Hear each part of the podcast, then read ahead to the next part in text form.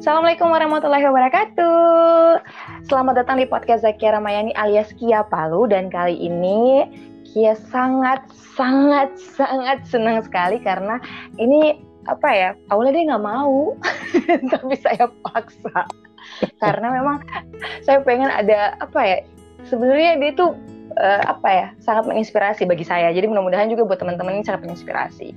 Ada Rezan Ahmad. Assalamualaikum. Waalaikumsalam. Halo Kia. Halo. Uh, teman-teman jujur ini sebenarnya sepupu saya. ini kakaknya si uh, dokter Dewi Nurul Sakina. Jadi um, kenapa Kia pengen Rezan hadir di sini? Rezan uh, kalau boleh tahu uh, Kia panggilnya apa ya? Kerja di dipanggilnya IT ya? Apa sih ya, bidangnya? Bidang saja IT.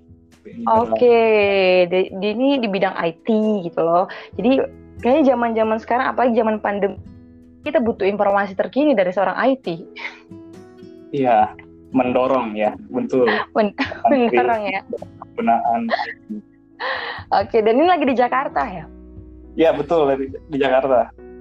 Selama pandemi tidak pernah pulang Palu? Nah, itu kan uh, emang tidak bisa kan. Oke. Okay. Jakarta kan zona merah. Mm -mm. Uh, dan waktu itu juga kan penerbangan ditutup. Nah. Oke, okay, benar. Tapi kantor, tapi kantor tetap kerja. Jadi uh, tetap kerja, jadi work from home. Jadi emang kan kebetulan kerjaannya yang bisa dikerjakan dari oh. mana saja sebenarnya. Jadi okay, okay. sekitar minggu kedua Maret ya itu kan mulai uh, banyak kasus ini uh, COVID di Bener. Jakarta jadi tante memutuskan untuk kerja dari uh, rumah. Takut kena kenapa kan karyawan kena terus kena temennya gitu kan teman kerjanya dan iya. seterusnya. Bener kalau Maret minggu kedua sampai sekarang gitu. oke. Okay. uh, kalau boleh tahu Rezen kerja di mana nih? Jadi nama perusahaannya itu GDP Lab uh, itu part of uh, dari Jarum Group Mm -hmm. uh, kerjaannya itu uh, software consultant, jadi buat software based on request dan oh. juga rintis beberapa uh, startup produk. Oh. Jadi okay. biasa inkubasi itu inkubasi startup. Oke, wah ini menarik sekali ya. Gitu. Khususnya buat teman-teman di Palu, ini anak-anak informatika, oi, ini mahasiswa-mahasiswa berkumpul dong. Karena memang kita sengaja menghadirkan uh, Rezan di sini untuk berbagi ceritanya ya. Apalagi di kantornya luar, yang luar biasa besar juga kan. Ya lumayan sekarang ada sekitar 150 orang. Wow, itu lumayan banget. Jadi uh, teman-teman kita akan tanya-tanya dulu nih uh, Rezan. Awalnya itu emang kepikiran mau jadi seorang IT atau bagaimana dulu? Dulu, nah dulu itu sebenarnya ini baru ke IT itu ke itu pas SMA kelas 3 Oke. Okay. Kan. Nah sebelum sebelum itu kan ya biasa lah ya umum lah ya orang tua itu kan uh, arsitek uh -uh. atau dokter gitu kan gitu lah ya sejuta umat. iya. Nggak, okay. ada itu uh, eh, IT karena kan memang baru sangat baru kan jurusan itu. Bener. Gitu. Bener. dari SMA kelas 3 itu itu pun karena uh -uh. Uh, bimbingan belajar gitu kan memang untuk persiapan ini kan dulu namanya itu SNMPTN gitu kan seleksi nasional untuk masuk universitas itu pun uh -uh. gara-gara bimbingan belajar uh, pas masuk awal SMA kelas gitu kan dikasih uh -uh. Uh, apa namanya uh, semacam apa ya kuesioner mungkin ya istilahnya ya jadi okay. ditanya uh, dikasih list uh, daftar jurusan mm -hmm. seluruh Indonesia ya kan mm -hmm. berserta nama univnya dan uh, dan apa namanya passing grade-nya gitu kan mm -hmm. itu kan uh, baru mulai baru tahu oh ada namanya jurusan teknik informatika gitu kan oke okay. nah, jadi emang waktu itu uh, lihat kan ya ini uh -uh. wajar lah ya anak-anak uh, sekolah itu gitu kan yang favorit apa sih gitu kan biasanya kan yang tinggi oh, iya. grade-nya itu yang favorit kan gitu kan. Mm -hmm. Yang sudah pasti kan kedokteran gitu kan. Oke. Okay. perminyakan gitu kan zaman itu. Mm -hmm. uh, ada juga tuh informatika nyelip-nyelip oh ini jurusan apa nih gitu kan informatika gitu kan uh, uh -uh. sebenarnya bisa relate sih uh, ke ke kerjaan-kerjaan tugas-tugas uh, sekolah sebenarnya jadi waktu SMA itu memang uh, saya suka itu tugas-tugas presentasi dibuat animasi oh gitu memang sebelumnya, sebelumnya sudah sudah ada uh, interest di sana. Cuma itu nggak nggak tahu namanya itu informatika. Oh. uh, jadi animasi Bentar, gitu mm -hmm, betul. Uh, sampai animasinya itu biar lebih oke okay itu uh, harus diprogram. Istilahnya uh, uh. lah ya. Program gitu kan. Nah itu sampai pernah beberapa kali beli buku kan untuk penasaran gimana uh, biar bagus animasinya. Kalau tahu dulu itu namanya Flash oke. okay. itu itu zaman dulu mungkin orang-orang sekarang nggak nggak tahu. Jadi ada uh, teknologi flash. Itu untuk animasi uh, biar bagus dibuatkan programnya. Itu saya beli bukunya beberapa. Nah habis oh, itu juga okay. uh, eh, kebetulan itu juga di SMA kelas 2 kalau nggak salah ya. Atau kelas 3 memang uh ada uh, satu mata kuliah itu bukan satu mata kuliah malah satu pelajaran. Jadi itu mata kuliahnya kan mengajarkan uh, Excel mm -hmm. gitu kan, Word, PowerPoint dan seterusnya. Terus ada satu pelajaran di akhir tuh tentang program programming. Oke, nah. sudah masuk tuh ya. Ya. Wah. Jadi itu kan uh, karena saya suka eh, hal-hal uh, yang problem solving gitu kan. Mm -hmm. Itu kan kayak puzzle sebenarnya kan dikasih kasih misalnya input misalnya uh, apa ya tiga gitu kan uh, dan uh -uh. disuruh tolong buat uh, segitiga yang panjang sisinya itu tiga misalnya gitu kan. Itu kan berpikir gimana caranya begitu kan. Uh-uh. nah situ uh, ya jadi diajari beberapa hal basic gitu kan. Kan anak IT tahu lah ini uh, looping gitu perulangan gitu kan. Nah uh-uh. situ uh, oke okay, kayak menarik menarik gitu kan. Walaupun sebenarnya itu inputnya ini ya layar hitam putih ya. Bener itu masih apa kalau dulu zaman potran ya. Eh Potran. Ya, Potran kalau salah juga ya hitam putih ya. Uh, Walaupun hitam putih. Itu ya. Ya, dulu uh, namanya tuh Pascal ya. Dulu itu tuh Oke, okay, iya. Benar. Ya, hitam putih mungkin orang lihat ini apa ini sih terlalu geek gitu kan, tapi uh, cukup Bener. menarik. Ya, kan karena Unik ya. Kan, macam kayak puzzle gitu kan. Oke, okay, itu uh -uh. Uh, baik lagi pas itu isi kuesioner ini kamu belajar, nah uh -uh. kan bisa lihat nih matematika, Oke. Okay. Okay. Uh, eh, waktu itu uh, penasaran kan ada uh, dia itu ada di jurusan nomor dua informatika gitu kan. Uh -uh. Uh, ITB waktu itu di atasnya itu UI kedokteran itu itu nggak pernah bergeser lah dan okay. saya juga baru tahu situ ada ITB. Oh, ada namanya Universitas ITB. Apa kan? Institut Teknologi Bandung gitu kan. Ada namanya program tinggi ITB. Baru tahu oh juga dari situ. Baru tahu di saat baru itu. tahu dari situ. Oke. Okay. Tahunya UI, UI. khas gitu kan. Nggak, ah. nggak pernah tahu ada uh, eh, ITB. Oke, okay, penasaran. Jadi sebelum isi itu kan uh, riset dulu gitu kan. Uh -uh. Bagaimana sih ini informatika gitu kan uh, yang sudah pasti kan kedokteran ya itu tidak perlu di riset. Uh -uh. Jadi ini yang yang perlu di riset adalah informatika. Bagaimana sih dia? Uh, memang waktu itu terpikir uh, kalau lulus bakal kerja apa? Ya kan? Iya sih. Jadi benar-benar. Uh, memang ada minat nih, cuma kan perlu realistis ya tujuan iya sih. itu ujung-ujungnya kerja gitu. Ya riset dulu, uh, kalau orang seperti kan ngapain sih? gitu kan. Jadi googling gitu kan. Beberapa orang gitu kan uh, jadi basically karena ini sih hmm? uh-huh, karena ini kan masih baru kan di zaman kita itu ini ya, masih betul, baru. Termasuk baru orang, iya. orang tua pun nggak paham orang betul bagaimana, orang tua pun nggak paham. Mungkin sampai sekarang bagaimana, orang tua pun nggak tahu saya kerja apa.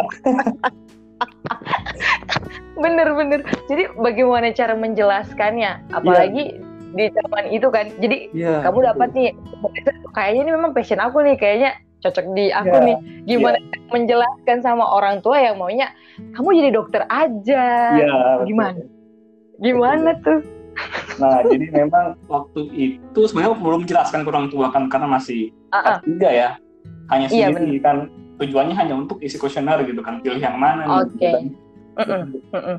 Eh, plus dengan universitasnya gitu kan Mm-mm. Oke, eh, setelah tanya-tanya, singkatnya ya promising lah gitu kan. Karena wajar gitu kenapa dia passing grade-nya lumayan tinggi ya karena memang eh, secara lapangan kerja pun itu banyak dicari. Jadi ada korelasinya itu passing grade tinggi gitu dengan eh, lapangan kerja gitu kan. Cuma itu emang nggak yakin ini bisa nggak ya ini. Cuma kan ada juga gitu kan. Ya isi Uh-uh. saja, isi saja. gitu Uh-uh. kan. Oke, pilihan eh, waktu itu eh nggak salah memang itu saya taruh di pilihan pertama. Oke. informatika baru eh, kedua itu kalau nggak salah kedokteran unhas. Karena memang unhas waktu itu masih eh, di bawah ya. Pasti grade-nya walaupun nggak terlalu jauh. Jadi kan memang kan harus yang pasti pilihan pertama itu yang, di- yang tinggi kan. Uh-uh. Eh, unhas habis itu ketiga kalau nggak salah itu informatika eh, IPS Oke. jadi emang waktu itu disuruh P3 Mm-mm. Oke, disubmit lah. Nah, eh di situ jadi baru menggali kan, menggali eh, tentang informatika dan eh, kayak mem- apa ya, membangun niat untuk eh, masuk ke bidang sana. Dan Gitu. Hmm. Banget kan. Eh, istilahnya ini dunia baru tapi memang kamu kan sudah suka nih. Udah ada kayak Ya, kayaknya ada minat ya. ada chemistry. Saat kuliah apakah sesuai ekspektasimu kah? Atau bagaimana? Iya, pada saat kuliah eh, ini tahun pertama. Belum Ah, ah. belum belum masuk ke eh, dunianya. oke. Jadi di ITB itu eh tahun 2008 loh, sudah lama sekali ini ya 12 tahun yang lalu. Jadi eh, itu tingkat pertamanya itu kayak bisa dibilang SMA kelas 4. Jadi Oh. kita masih belajar fisika selama setahun, Mm-mm. eh, kimia juga selama setahun. Kemudian eh, kalkulusnya pun dua semester gitu kan setahun. Eh, hanya ada satu atau dua mata kuliah informatika. Yang ma- masih di awal-awal ya Iya, ada Mengenal. awal. oke di sama awal. sih ya kayaknya sama mungkin di teknik yang lain juga awal masuk kan ekspektasi kita langsung oh kayaknya langsung mau belajar yang kayak begini nih ternyata Iya, dapatnya matematika bahasa Indonesia bahasa Inggris iya. Hah? Ya, pelajaran, ya. pelajaran umum kan Iya, wow betul. Jadi eh, memang pas masuk tingkat eh, sebelum belum tingkat S, pas tingkat satu pun eh, memang sesuai ekspektasi. Oh iya, eh, sesuai dengan waktu dulu diajarkan basic sekali pas saat, saat SMA kelas 3 itu. Oke, oke. Itu. Enggak, sekarang nggak nggak ngerti SMA kelas 3 ya. Sekarang sudah istilahnya kelas 12 Kelas- ya. Iya, kelas 12. Iya. Ya ampun. Oke, dan eh, setelah semakin apa semakin eh, di semester yang atas, apakah eh, dunianya sesulit itu, serumit itu? Kalau yang saya lihat sih adik adikku ya, Hmm. karena memang dia suka, pe- Iya. dia suka sekali. Sesulit apa pun dia nikmati sih. Ya, eh, betul karena memang eh, jadi itu memang penting ya eh, ada minat gitu kan. Heeh. Emang eh, saat tingkat satu itu eh, oke kan karena memang eh, mata kuliahnya umum, eh, Mm-mm. Jadi eh, belum terasa tingkat dua yang terasa di sini sudah mulai ada namanya tugas besar gitu tugas besar itu kelompok di dia di, dikasih eh, tugas untuk buat aplikasi gitu. Oh, oh, itu dikerja selama satu semester. Eh, waktu itu jadi tugas besarnya dibagi-bagi Oke. Oh. eh, eh, nggak selama satu semester jadi kalau nggak salah ingat ya eh, itu ada dibagi dibagi tiga bulan pertama eh, tugas besar satu habis itu bulan kedua eh, tugas besar kedua Oke. itu di, ta- di tahun kedua tingkat Mm-mm. kedua itu ya eh, lumayan eh, challenging gitu kan karena bisa sampai begadang sama teman-teman. Ya biasa lah ya anak kuliah ya.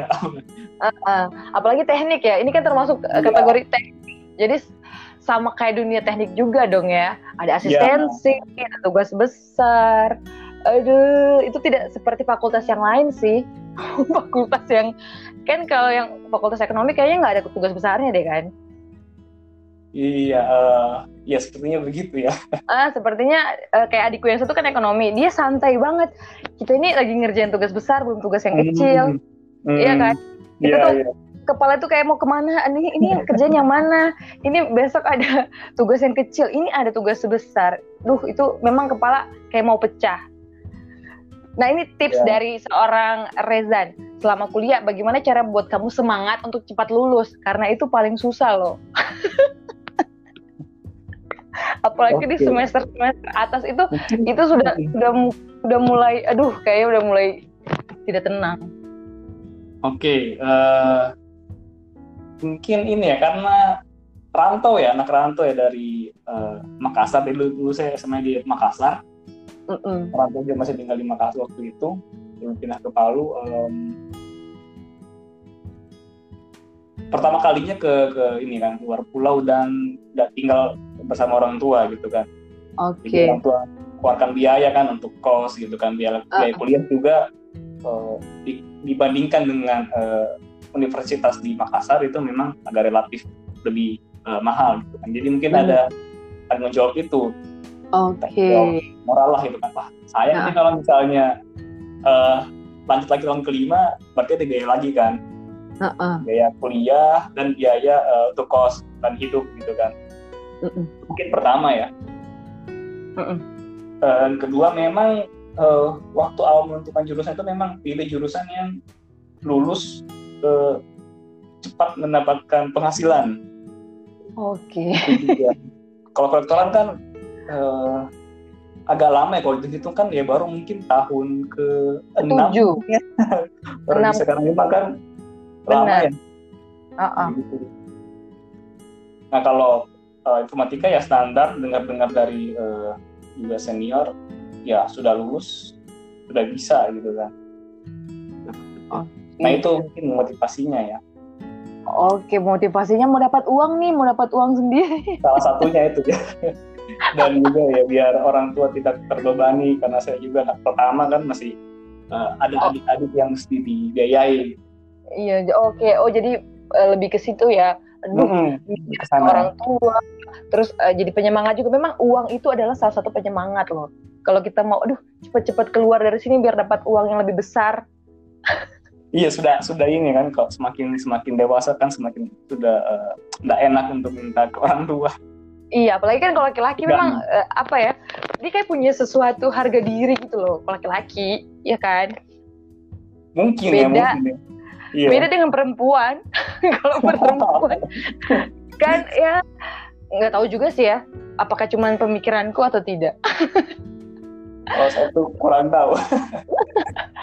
Oke okay, pokoknya uh, teman-teman mungkin sekarang lagi dengar yang lagi mungkin baru masuk juga pilih kita lagi awal-awal pendaftaran kuliah kan?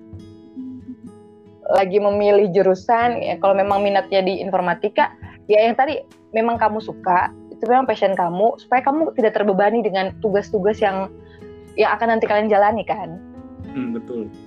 Terus kalau yang lagi di semester akhir di penghujung-penghujung ini ada rasa kemalasan bisa coba tips dari Rezan gitu. Mengingat mengingat uh, itu tadi orang tua terus biaya yang udah keluar gitu kan. Dan pengen cepat-cepat keluar di informatika memang sih cepet banget dapat kerjanya. Di semua perusahaan pasti butuh. Iya kan? Betul waktu itu memang uh, ya alhamdulillah pas lulus ya ada ada demand gitu kan. Oh, diajak oh. teman untuk uh, kerja gitu. Nah untuk di di perusahaannya Rezan sekarang nih kasih gambaran dong. Ini kan uh, banyak juga mungkin yang lulus tapi kalau di Palu tuh masih bingung karena pilihan untuk lapangan kerjanya sangat terbatas untuk informatika. Mereka mau ke Jawa kan rata-rata kan yang paling membutuhkan tuh daerah sana kan kota-kota besar kasih gambaran dong kerjaan di sana tuh kayak bagaimana ya ini uh, pertanyaannya sulit ya uh, memang itu betul. Uh, jadi sebenarnya ini IT itu luas ya, IT itu luas. Uh. Tapi kalau spesifik ke teknik informatika, uh -uh. itu biasanya uh, kerjaannya itu bisa dibagi beberapa macam. Oh, uh, apa aja tuh? Kira-kira. Kira-kira. Pertama itu software engineer ya kayak saya. Jadi memang kerjaan utamanya itu buat software kan, buat mm -hmm. software, programming gitu kan, uh, di depan layar gitu kan. Kemudian uh, kedua itu konsultan atau mungkin lebih ke arah sistem analis ya. Jadi dia tidak perlu untuk programming, tapi mm -hmm. mengerti secara secara garis besar gitu kan, mengerti teknologinya dan mm -hmm. mengerti apa ya korelasinya antar sistem gitu kan. Oke. Okay. Ini biasanya kalau perusahaan yang um, pada tahu terkenal itu seperti Accenture. Mm -hmm. uh, kemudian yang ketiga itu uh, ada product manager namanya. Ini kurang lebih uh, agak-agak mirip ya dengan konsultan kerjaannya, cuma ini lebih ke dia sesuai nama namanya ya dia produk manage produk gitu kan manage produk okay. dia orang. Jadi yang dimiliki adalah produk. Dari dari sisi depan ya dari tampilan uh, interaksi gitu kan. Okay. uh, sampai ke uh, rilis. Jadi dia memang dia memang uh, sebagai koordinator untuk para UI designer uh, software engineers gitu kan. Itu product manager memang uh, job desk utamanya itu mendefine requirement. Produk okay. ini uh, harus punya fitur apa. Uh, dan seterusnya. Kemudian yang ketiga itu mungkin bisa, bukan ke, keempat berarti ya. Yeah. uh, mungkin bisa dibilang project manager. Jadi dia terus namanya manage project bukan produk. Jadi dia lebih ke biasanya lebih ke uh, timeline task gitu kan tertentu task. Oh, Oke. Okay. Cuma di tempatku itu uh, mainly itu ada dua software engineer sama product manager gitu. Oke, okay. di tempatmu banyak banget berarti anak-anak IT ya? semuanya ya memang semuanya IT semuanya IT semuanya IT aduh nggak, nggak juga ada uh, kita ada tim UI sama uh, UX gitu kan UX oh, user experience ya ada ada tapi majority oh, memang IT bisa dibilang 90% lah. Oke, okay. kecuali yang bagian accounting ada juga ya? Ya, oh itu ada ya, ada. Uh, marketingnya ada lah. ada marketingnya, cuma ini ngomong majority ya, majority uh -uh. anak IT. Tuh. Kayaknya adik aku bisa ke situ deh kalau ada lowongan. Ya Allah. Bisa, bisa. Jadi uh, ada tes gitu kan, ada tes. Ada tahapannya uh, uh, tadi kan dia tanya tentang lokasi. Memang betul kalau untuk kerjaan software engineer product manager itu memang uh, masih di Jawa. Malah lebih spesifik lagi itu Jawa saja nggak cukup. Jadi bisa dibilang kota besar ya Jakarta uh, Bandung uh, Jogja um, sama Surabaya dan Bali Oke, jadi itu aja ya memang betul-betul. Ya, wow. Jadi kalau ke bilang Semarang enggak juga. Belum belum saya jarang dengar ya. Jadi memang uh, masih di sana konsentrasinya gitu di kota-kota itu. Kalau Makassar pun uh, hmm? Makassar belum juga. Makassar belum ya? Saya uh, belum karena ujung-ujungnya bakal tertarik ke kota-kota ini. Oke. Okay. Ya, mungkin ada ya, cuma memang mungkin masih growing. Oke. Okay. Eh, setahu saya. Mm -mm. Jadi memang itu Jadi, ya memang masih apa ya? Mungkin begitu ya nature-nya. Jadi uh, dikumpulkan di satu tempat gitu. Begitu kalau untuk pekerjaan-pekerjaan itu gitu kan. Oke, okay, uh, eh, oke. Okay. Tapi kalau untuk membuat usaha uh, startup ya istilahnya startup gitu uh -uh. kan. Kalau saya kan ini uh, bu uh, lebih kayak bekerja ke korporat lah besarnya lah ya. Uh-uh. Kalau untuk yang membuat usaha sendiri startup itu sebenarnya bisa dari mana aja. Bisa di mana aja ya, asal kita Betul. bener. Betul. Eh, di di Palu kan ini lagi zaman aplikasi kan. Iya. Rame banget aplikasi. temanku ada juga yang IT terus saya tanya kamu bisa buat aplikasi oh saya tidak di bidang itu ternyata ada bagian-bagian khusus ya saya website ada yang memang untuk program gamer gitu loh. Ya betul. Ya uh, betul. Itu pun dibagi-bagi lagi. Dibagi-bagi lagi. Jadi kalau teman-teman yang suka memang uh, nonton uh, kayak komik-komik terus game gamers itu bisa langsung ya milihnya yang itu. Itu bisa di mana pun aja sih. Kalian buat game tapi emang ribet banget juga ya buat game. Wow. Ya, um, nah uh, game itu termasuk salah satu bisa dibilang aplikasi aplikasi yang susah. Uh, uh. susah banget. di Indonesia pun jarang ya. Uh, bahkan uh. juga kalau ngomong pusatnya ya Amerika pun juga hanya beberapa perusahaan sebenarnya yang mengerjakan itu. Memang karena memang uh, kompleks uh, kompleks benar. Karena tidak bukan cuma programmer dia butuh seorang desain grafis juga. Ya, pokoknya yang banyak tim di dalamnya kan. Ya Wah, itu adik aku aja waktu buat dia langsung nyerah ya memang kompleks luar biasa tuh kompleks lebih kompleks daripada aplikasi yang uh, ya uh, pada umumnya ya mm -mm. nah di Palu ini udah mulai nih kan uh, dari awal sih Indonesia kan enggak karena Gojek mulai tuh ya. aplikasi-aplikasi yeah. yang hmm. yang sekarang kita belanja ya aplikasi Tokopedia segala macam jadi mulailah yeah. anak-anak IT ini lebih sebenarnya lebih semangat lagi karena semua hmm. makin makin banyak lapangan kerja juga kan iya yeah. Uh, jadi di Palu pun juga udah ada nih anak-anak muda yang buat aplikasi belanja. Oke okay, oke. Okay. Uh, jadi okay. e-commerce uh, gitu ya. ya. E-commerce tapi khususnya uh, jadi kan kar karena COVID kemarin hmm. sangat untuk belanja ke pasar takut kan oh, ketemu anak-anak uh, muda di Palu itu buat uh, uh, aplikasi namanya Ina Ina. Jadi ah, belanja. Saya pernah lihat, iya iya iya. Uh, uh, jadi kebutuhan belanjanya itu tinggal pilih di aplikasi kan tinggal diantar. Tapi mereka kerjasama juga dengan Gojek atau Grab gitu. Iya. Ya. Sebenarnya itu bisa kan. Jadi teman-teman yang ya. penting. Hmm. Apalagi di zaman sekarang itu butuh banget semua. Andai yang saya pikir ya kemarin, andai bukan cuma belanja di pasar, semua itu bisa dimasukkan di aplikasi itu senang banget kitanya. Iya ya, kan itu, itu bisa betul. Bener kan kalau di Jawa mungkin enaknya Tokopedia kan bisa langsung kirim ke rumahnya deket kan toko-tokonya yeah. pusatnya banyak kan di Jakarta. Nah kita ini Sulawesi kan susah apalagi di Palu itu kan yeah. belanja ongkirnya enam puluh ribu pak itu lebih mahal dari produknya uh, bingung bingung bingung jadi teman-teman yang uh, mungkin sekarang lagi uh, apa ya sementara kuliah masih pusing nih kayaknya saya mau kerja ini harus ke Jawa kah atau harus ke kota besar kah atau harus di sini kan banyak juga yang kemarin cerita kayak temanku nih dia ini IT di Presiden University iya yeah. ah, tawaran kerjanya kan di sana di perusahaan-perusahaan yang besar juga kan mm, yeah. karena orang tuanya nggak mau berpisah sudah terlalu lama mm. dengan anak akhirnya harus balik ke Palu bingung mm. dia kerja apa itu yang menjadi salah satu waduh apa ya e, salah satu ini juga kayak kegalauan anak-anak IT yang harus pulang ke daerahnya tapi nggak tahu mau ngapain. Tapi itu salah satunya bisa buat sendiri aplikasi atau produk lain yang teman-teman bisa kan?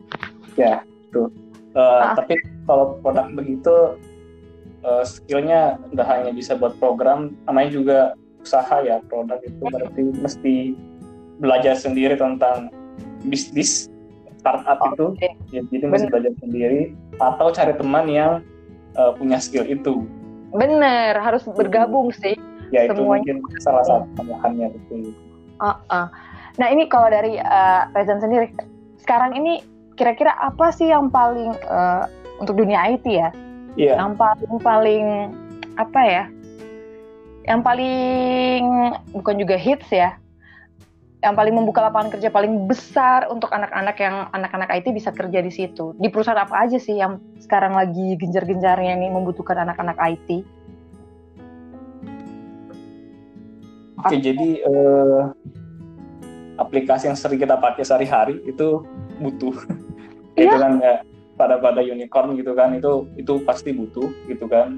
Oke. Okay. Ya mungkin sekarang uh, agak ini ya agak kebanyakan orang um, hiring freeze ya karena ya semua sektor kan terdampak karena covid ini kan. Oh iya benar-benar. Cuma ada perusahaan-perusahaan yang masih buka opening ada. Oke. Okay. Jadi uh, startup startup IT itu pasti butuh. Kemudian perusahaan-perusahaan korporat pun uh, butuh juga kan uh, contohnya uh, bank-bank gitu kan bank-bank kan ya. punya divisi IT gitu kan kemudian uh, sepertinya perusahaan-perusahaan yang agak-agak sudah mulai besar dan perlu pakai IT itu itu, itu pasti butuh gitu kan. Pasti butuh ya. Apalagi sekarang semuanya sistemnya online kan jadi pasti harus butuh kayak minimal website. Semuanya itu harus terkoneksi secara internet kan. Ya ya biasanya kan untuk dia mengefisiensikan proses bisnis internalnya gitu kan. Uh, uh, uh. bisa mungkin kan diotomasi itu biasanya kalau perusahaan-perusahaan yang mulai agak berkembang tuh dia pakai IT itu untuk ke sana Oke. Okay. uh, proses bisnisnya yang tadinya misalnya dari tujuh hari gimana menjadi tiga hari, okay. tiga hari menjadi sehari dan seterusnya. Biasanya ya kalau dia sudah mulai besar. Oke okay, oke. Okay.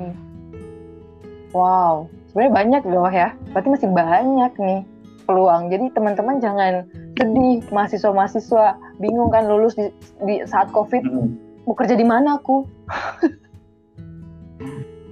ya uh, cuma uh, sebenarnya ini tergantung dari ini orangnya. Uh, ada orang memang yang suka uh, tertarik buat usaha baru, kan startup gitu kan. Ada juga yang mungkin mau belajar dulu gitu kan. Oke.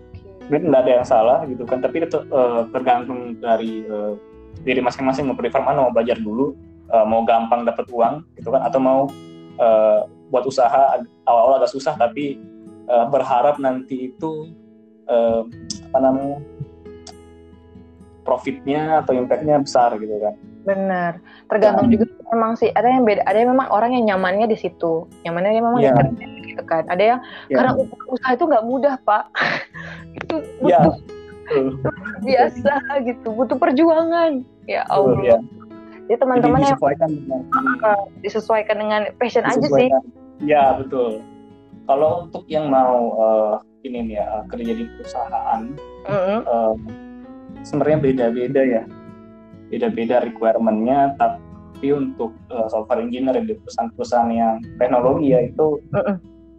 pasti uh, pertama itu yang paling basic itu uh, programmingnya jadi bakal ada namanya technical test -hmm. kasih soal itu uh, biasanya online dikerjakan -hmm. selama kurang lebih sejam atau satu setengah jam -hmm. itu kita solve uh, uh, problemnya gitu itu itu sebelum uh, mengerjakan itu perbanyak latihan oke okay. perbanyak latihan uh, ada banyak bisa di googling sih bisa di googling uh, ada banyak uh, platformnya itu latihan itu uh, untuk soal programming Oh. Uh, walaupun memang kita sudah lulus tapi perlu diasah gitu kan, perlu diasah begitu.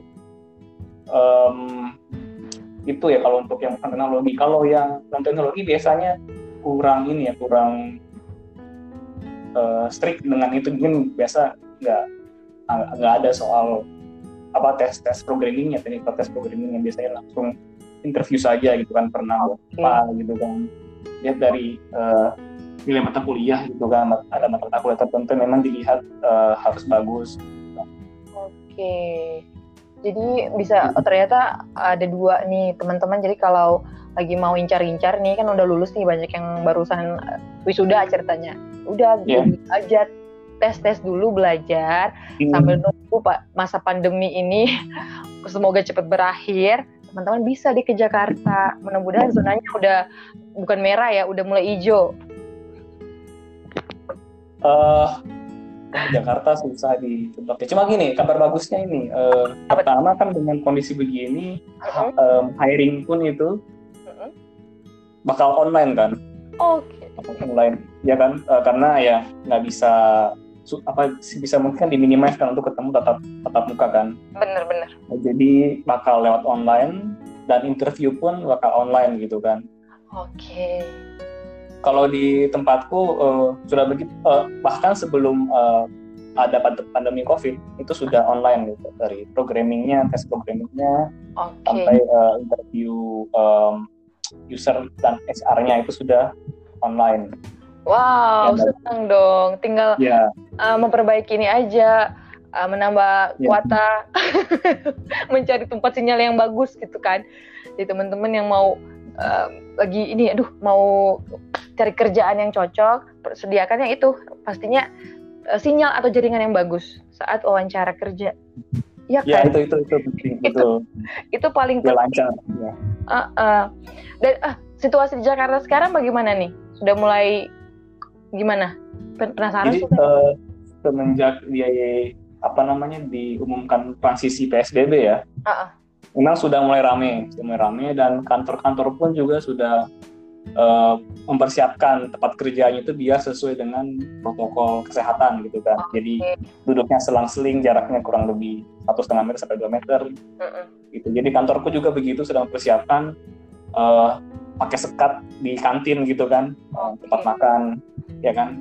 Um, pengecekan suhu gitu kan di di depan kantor uh, kemudian siapkan hand sanitizer jadi memang sudah dipersiapkan untuk itu Oke, tunggu. Dan kantor-kantor lain pun juga begitu. Kantor-kantor lain pun juga begitu sekali. Ya. Semua kayaknya aturannya dari daerah harus gitu ya. Ada ya. Nah, untuk di kantor sendiri nggak ada kan? Di kantornya Rezan yang uh, menjadi korban atau apa? Nggak ada ya? Uh, saya nggak pernah dengar ada. Uh, okay. Tapi itu kan, kalaupun ada kan uh, mungkin nggak diumumkan ya. Oke, okay, privacy juga ya, benar. Ya betul, privacy. Kalaupun ada mungkin nggak diumumkan. Uh, dan juga mungkin karena kita lebih cepat uh, work from home, mungkin kalaupun ada ya tidak terlalu gimana-gimana gitu. Oke, mudah-mudahan tidak sih, mudah-mudahan dijauhkan. ya mudah-mudahan dijauhkan karena wah merepotkan sekali gitu, apalagi harus uh, masuk rumah sakit itu kan mm Uh, lumayan waktu yang kebuang ya. Iya sih, bukan cuma waktu. Kalau dia sampai ditahu mungkin dia positif dan dia bisa kehilangan pekerjaan dong. Itu yang paling miris, iya kan? Wow. Iya mungkin kalau lama uh, ya tergantung perusahaannya sebenarnya mungkin ya. Kebita, kalau masih dibilang ya sudah cuti saja gitu kan, uh, unpaid leave gitu kan. Nanti kalau sudah sembuh bisa masuk mungkin begitu ya by default perusahaan ya lebih ke ya, unpaid leave saja ya kalau sudah sembuh masuk. Iya. Cuma uh, teman-temanku alhamdulillah uh, ini ya tim satu tim ya sekitar 60 orang uh-uh. tim itu uh, yang saya tahu uh, alhamdulillah tidak tidak ada yang tidak ada yang terjangkit jadi uh, semuanya kerja dari rumah. Alhamdulillah. Semoga selalu sehat di sana ya Wah, wow. soalnya kita di Palu deg-degan loh. kan soalnya kamu tidak pulang. Vina tanya, tanya Rezan kapan dia pulang? Ya, kok saya tanya. Jadi nggak ada rencana nih mau pulang. Sebenarnya dilema Kia, dilema untuk pulang. Mau pulang, cuma dilema. Uh, saya nggak tahu ini saya sudah kena dan sembuh, ah, atau ah, saya belum kena. oh iya, karena tidak kan ada yang OTG juga kan. Iya betul. Wow. Kalau sudah kena uh, dan sembuh kan bagus kan ber ya harapannya sudah sudah kebal ya. Uh -uh. Tapi kan nggak tahu, nggak tahu gitu kan. Bisa saja belum kena gitu kan. Yes, iya dan uh, bener, bener. takutnya pas di perjalanan itu membawa begitu kan. Benar. Pas sampai di Palu gitu mungkin nggak nggak bersih saat uh, mau bersih bersih kan mungkin bajunya langsung dimasukkan ke uh, mesin cuci dan pokoknya ya hal-hal kecil lah gitu kan takutnya itu benar benar ya sebenarnya sudah disuruh pulang pas nanti itu hal cuma saya bilang lihat nanti gitu kan lihat nanti karena itu was-was juga itu kan kayak saya apa ya ada beban moral ya kalau tiba-tiba ternyata gara-gara saya begitu kan orang tua terjangkit atau adik-adik terjangkit gitu kan. Nah, apalagi nenek terjangkit nanti, waduh. Apalagi itu, apalagi nenek paling rentan kan. Iya. Itu yang, itu yang lebih bakal gimana ya, bakal sangat bersalah kan misalnya kalau Benar. Tiba-tiba gara-gara pulang gitu kan, maksakan pulang, ada yang terjangkit, nah itu. Sama, dilema gitu. Saya juga terisolasi di sini. Saya belum bisa pulang ke Palu juga soalnya. Ah, uh, ini ya zona merah juga ya di sana ya? Ah, kan tempatku juga zona hmm. merah. Dan itu kayak bagaimana ya? Orang-orang pun kalau dengar kita dari kamu dari mana dari sini, itu mereka langsung negatif gitu loh. Hmm. Iya kan? Kamu dari mana ya, di sini? Wah, di sana bagaimana? Mereka udah panik duluan kan? Iya. Uh, jangankan mereka saya juga panik. Kita kan panik di tempat zona merah itu panik. Mau ke mana-mana itu mikir kan. Mau makan ini harus beli di mana. Kalau keluar tuh mau cepat-cepat pulang. Bersih-bersih semua iya. kan. Apalagi ya, juga sama kayak walaupun walaupun sudah ada pelonggaran tapi masih begitu masih orang-orang masih parno. Iya sih. Waduh jangan sampai. Apalagi tempatku ya. di sana. Waduh itu yang paling aduh. Aduh Jakarta. Ya, wah. itu paling padat kan padat itu lebih uh -uh. rentan paling padat sibuk ya kan? Iya. Itu luar iya. biasa. Oke ini saya pengen tanya lagi nih harapannya nih pasti uh, Rezen masih punya impian-impian lagi kan? Oke. impian seorang IT itu saya penasaran. Apa sih lagi impiannya yang ingin dicapai? Sebenarnya tiap orang beda-beda ya. Uh -uh. tiap orang tuh beda-beda uh, ada yang dapat gaji sekian gitu kan. Ada juga yang posisi gitu kan. uh -uh. ada juga yang lebih ke oh saya mau produk yang dikerjakan ini yang dibuat ini uh, dipakai banyak orang. Gitu kan. Saat ini tuh uh, saya ada di nomor tiga itu. Jadi produknya itu yang dibuat sekarang itu dipakai uh, orang okay. yang lebih banyak gitu okay. jadi lebih uh, istilahnya impact gitu kan itu kalau saya pribadi gitu kan kerjakan itu banyak yang pakai uh, jadi emang sekarang lagi menggodok produk yang mudah-mudahan ini banyak uh, cepat dipakai oleh orang banyak. Bisa kasih bocoran produknya apa? Nggak bisa ya? uh, nah, ya, kalau bisa bisa. Jadi um, saya sekarang lagi mengerjakan produk di bidang uh, eh, HR gitu kan, HR system, mm-hmm. uh, cloud base. Okay. jadi uh, sistem apa? Uh, employee management gitu kan, kemudian handle uh, kalkulasi gaji pajak kemudian uh, kehadirannya gitu kan uh, dan pokoknya hal-hal yang berhubungan dengan HR HR Menteri Sosial Oke, okay. jadi harapannya ini nantinya semoga banyak perusahaan yang bisa pakai ya. Ya, betul. Oke, okay, mudah-mudahan ya kita doakan ya. Amin, amin. Selain itu apa lagi? Siapa tahu ada planning yang lain? Eh. Planning yang lain uh, apa ya? Masih itu sih karena memang uh, lagi-lagi apa namanya lagi sibuk untuk mencapai sana. Oh. Itu sudah pasti yang lumayan ya, lumayan besar ya. Lumayan ini. Membuat ya. ya, tidak susah, uh, tidak gampang membuat ini apa oh. yang gitu. Saya pikir uh, mau lanjut sekolah lagi. Iya, tapi itu uh, karena ini sudah apa ya? Uh, sudah kerja jadi kalau sekolah sayang untuk berhenti kerja jadi bakal ini bakal cari-cari sekolah yang bisa sambil kerja. Gitu. Oke, okay, bisa. Makanya sih kalau bisa online juga gitu kan. Oke. Okay. Jadi ya, cuma belum ada belum ada waktu belum ada tapi mudah-mudahan masih mencari ya waktu yang pas mudah-mudahan ada yang cocok apalagi kan zaman pandemi ini siapa tahu banyak yang buka online ya, kan ya harusnya begitu ya betul uh, jadi mudah-mudahan bisa jadi ya betul dimudahkan gitu kan uh, pokoknya kita doakan ya uh, ya, Rezan ya. uh, produk-produknya bisa seperti yang diinginkan bisa banyak yang pakai nanti dia bisa sharing ya. juga kita tunggu produk barunya lagi mungkin ada sesuatu yang akan lebih keren-keren lagi. Nanti kita sharing di podcast berikutnya ya. Oke, siap. Iya kan, karena di zaman sebenarnya kalau saya mau tanya sebuah tentang apa ya aplikasi terbaru segala macam, saya pengen ada pandangan dari seorang IT. Iya iya. Uh, karena memang kayaknya sekarang dunianya itu ya. Iya, memang sekarang apalagi ya eh, dengan pandemi ini ya orang-orang mengarah semuanya kalau bisa online gitu kan, nggak ketemu tatap muka. Bener. Dan saya bersyukurnya podcast aja kan dulu kan siaran di radio. Hmm. Udah nggak siaran, untung ada aplikasi ini, saya bisa siaran. Jadi dari mana saja nggak harus ke studio. Uh, bisa mau panggil di Jakarta kayak Rezan bisa mau di mana pun bisa ini Iya, betul. banget ya memang Lebih ya, betul. anak-anak IT ini mem- mem- apa ya membantu banget ibu-ibu kayak saya Oke, terima kasih Rezan atas waktunya. Oke, sama-sama.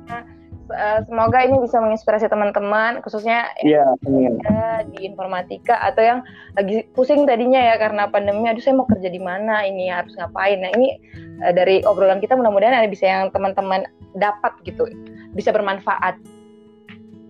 Oke, dan Amin. sukses terus di sana. Semoga selalu sehat dan kalau ke Palu kasih kabar. Mudah-mudahan kita bisa bareng-bareng ya di Lebaran Idul Fitri, Iya. Idul Adha. Ya sudah lama nggak ada kumpul-kumpul. tidak kumpul-kumpul. Mudah-mudahan Idul Adha bisa bareng di Palu kan. Mudah-mudahan. Amin amin. Sukses terus Rezan ya. Thank you. Oke, thank you. Assalamualaikum. Waalaikumsalam.